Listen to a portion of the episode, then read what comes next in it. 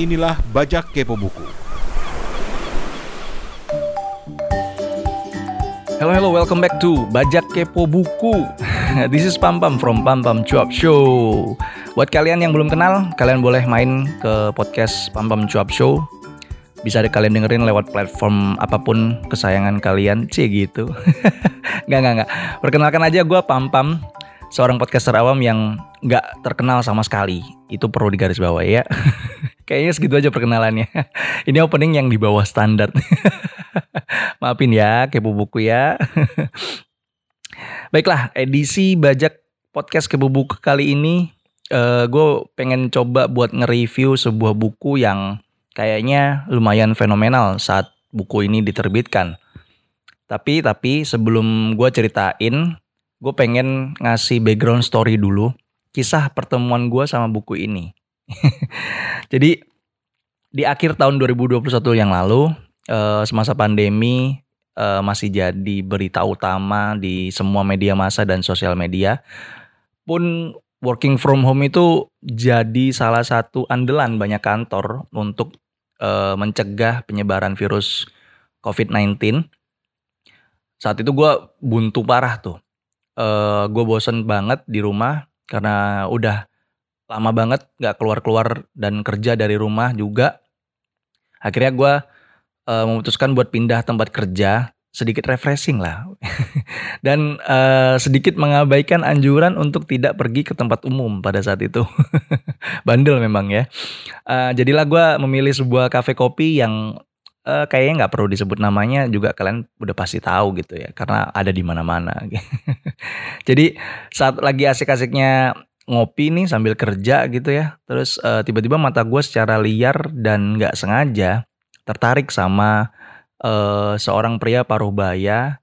Kenapa paruh baya? Karena gue bisa mengisar kayaknya umurnya tuh di atas eh, uh, 10 oh sorry maksud gue 10 dan 20 tahun atau 20 tahun di atas gue gitu jadi mungkin visualnya bisa kalian bayangkan kayak salah satu host kepo buku gitu gue uh, perlu garis bawahi juga gue nggak bukan tertarik sama pria baru bayanya ya nggak gue udah menikah jadi gue aman insya Allah Tapi gue tertarik sama aktivitas yang dilakukan beliau di uh, di antara keramaian uh, kafe kopi saat itu gitu. Beliau sedang membaca sebuah buku yang uh, sampulnya atau covernya itu berwarna hitam, tapi judulnya itu ditulis dengan warna atau dicetak dengan warna kuning keemasan. Di situlah gue tertarik uh, dan juga judulnya juga cukup konfrontatif menurut gue Judulnya adalah Sejarah Tuhan gitu. Singkat cerita, karena sampai rumah pun gue masih terbayang dan ingat dengan jelas judul buku tadi. Gue penasaran juga akhirnya uh, isi kayak isi bukunya kayak apa ya? Maksud gue, gue penasaran sama isi bukunya. Belibet, gue rada grogi nih sebenarnya untuk ngebajak eh, podcast yang juara satu uh, podcast review Indonesia. Wah ini gila banget nih. Pressure-nya tuh berasa gitu. Jadi gue penasaran sama isi bukunya. Akhirnya gue coba cari di online store. Dapatlah gue saat uh, buku ini, meskipun gue dapetnya sebenarnya uh, second hand ya atau buku bekas. Cuman setelah gue chatting dengan si penjual, penjual bisa memastikan bahwa kondisi bukunya bagus, nggak uh, ada cacat, nggak ada coretan-coretan dan nggak uh, ada halaman yang robek gitu ya. Jadi uh, gue memutuskan untuk beli buku second hand ini gitu. Nah buku second hand ini yang gue dapetin uh, edisi terjemahan ya dari salah satu penerbit terkenal di Indonesia, Mizan.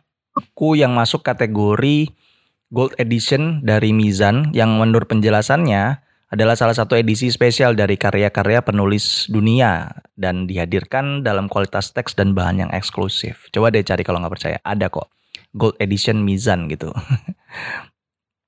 eh tapi tapi gue pengen bikin pengakuan dulu nih sebelum gue jauh ngomongin soal uh, buku sejarah Tuhan ini. Jadi sebenarnya gue belum kelar baca. Uh, dari total serat, uh, 11 bab ya, sorry. Dari total 11 bab dan 580-an halaman, Itu belum termasuk sama berlembar-lembar glosarium dan referensi penulis dari tiap bab di bukunya ini. Gua baru berhasil baca empat bab lah.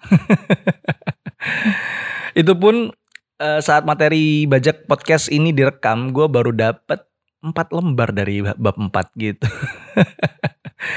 tapi tapi ada alasannya. Jadi gini, buku ini tuh sebenarnya termasuk uh, buku filsafat yang dibungkus dengan data-data sejarah.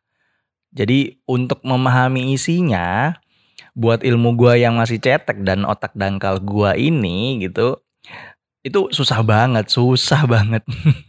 Ditambah lagi, gua uh, bukan termasuk penikmat buku kayak tiga host podcast kepo buku yang lagi gue baca kali ini gitu. Jadi ya mohon dimaklumi lah ya. mohon dimaklumi dan mohon maaf sebesar-besarnya kalau ada review yang kurang nantinya gitu.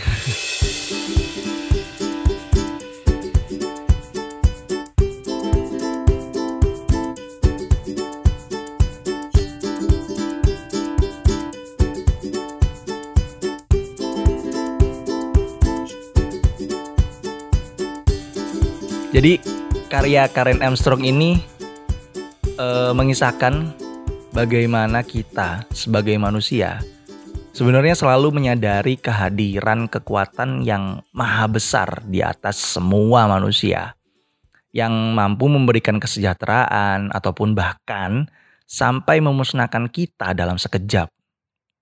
Buku sejarah Tuhan ini menceritakan berbagai polemik dan pembaharuan yang terjadi selama manusia hidup di bumi ini. Dan gimana sih cara para pendahulu kita untuk menemukan Tuhan gitu. Dan nggak cuma bercerita soal nabi-nabi yang diyakini tiga agama monoteisme besar kayak Yahudi, Kristen, dan Islam. Tapi e, buku ini juga mengisahkan bagaimana Hindu dan Buddhisme itu lahir. Monoteisme itu bahasa lain dari kepercayaan terhadap Tuhan yang Esa ya, atau satu Tuhan.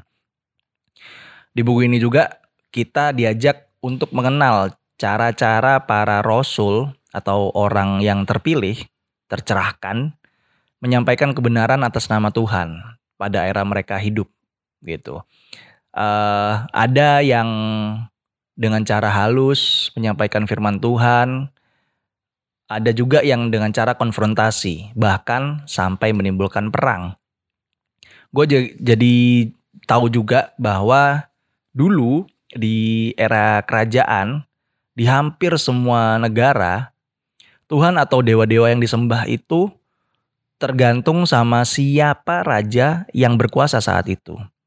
Jadi manut aja sama raja gitu. Meskipun memang kebanyakan dari dewa-dewi yang mereka sembah eh, punya persona atau citra kayak manusia. Cuma bedanya mereka punya kekuatan dan kelebihan yang jauh berbeda dari manusia pada umumnya istilah kerennya tuh uh, antromorphis, antromo antromopor uh, antromorfis kalau nggak iya antromorfis atau membayangkan bentuk fisik seperti manusia. Jadi pantas saja kita mungkin juga uh, kenal nih dewa-dewi seperti pada zaman Mesir kuno ada Ra, Horus, Isis atau juga dewa-dewi dari belahan dunia yang lainnya kayak Zeus, Hades, Athena dan lain-lain. Nah, sampai pada akhirnya uh, seiring evolusi dan pola pikir dan kapasitas otak kita sebagai manusia di zaman yang serba teknologi ini nih, kita sebagai manusia itu sebenarnya masih terpecah belah dengan dominasi lima agama besar monoteisme. Namun uh, kita pun masih berusaha mencari.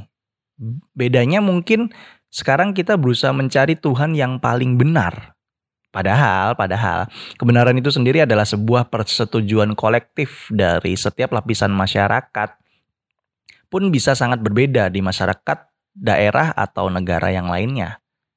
Nah, buku ini eh gua rekomendasiin banget banget buat dibaca bukan cuman kalian yang lagi kuliah filsafat atau jurusan perbandingan agama atau jurusan yang lainnya ya, tapi uh, menurut gua wajib dibaca juga sama kalian-kalian yang mungkin sedang dalam fase mencari apa pun itu yang kalian cari.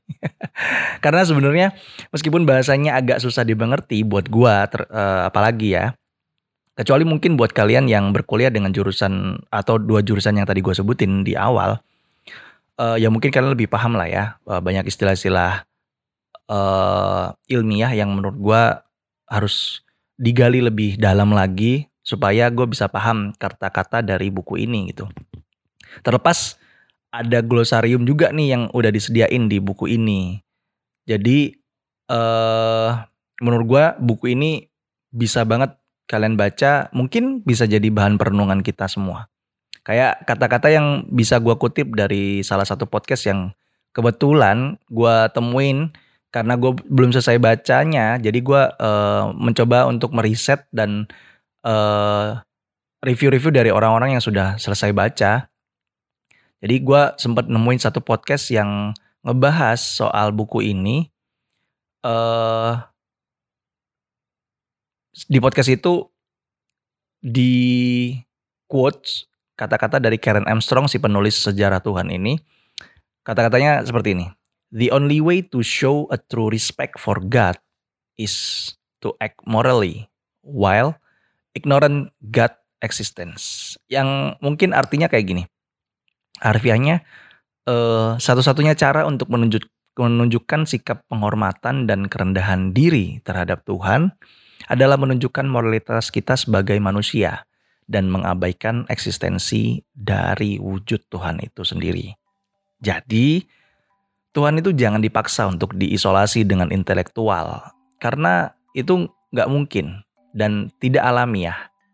Tetapi, apa pun penafsiranmu terhadap Tuhan, itu sah dan tanggung jawabnya ada pada dirimu sendiri. Terima kasih buat podcast kepo uh, kepo buku. gue sampai kebelibet omongannya. Uh, thank you so much buat uh, kepo buku. Om Rane, Om Toto, dan Om Steven yang udah ngizinin podcastnya dibajak sama Pam Pam Cuap Show. Thank you juga buat kalian yang udah dengerin episode Bajak Podcast Kepo Buku kali ini. Gua Pam Pam, undur diri. Assalamualaikum warahmatullahi wabarakatuh.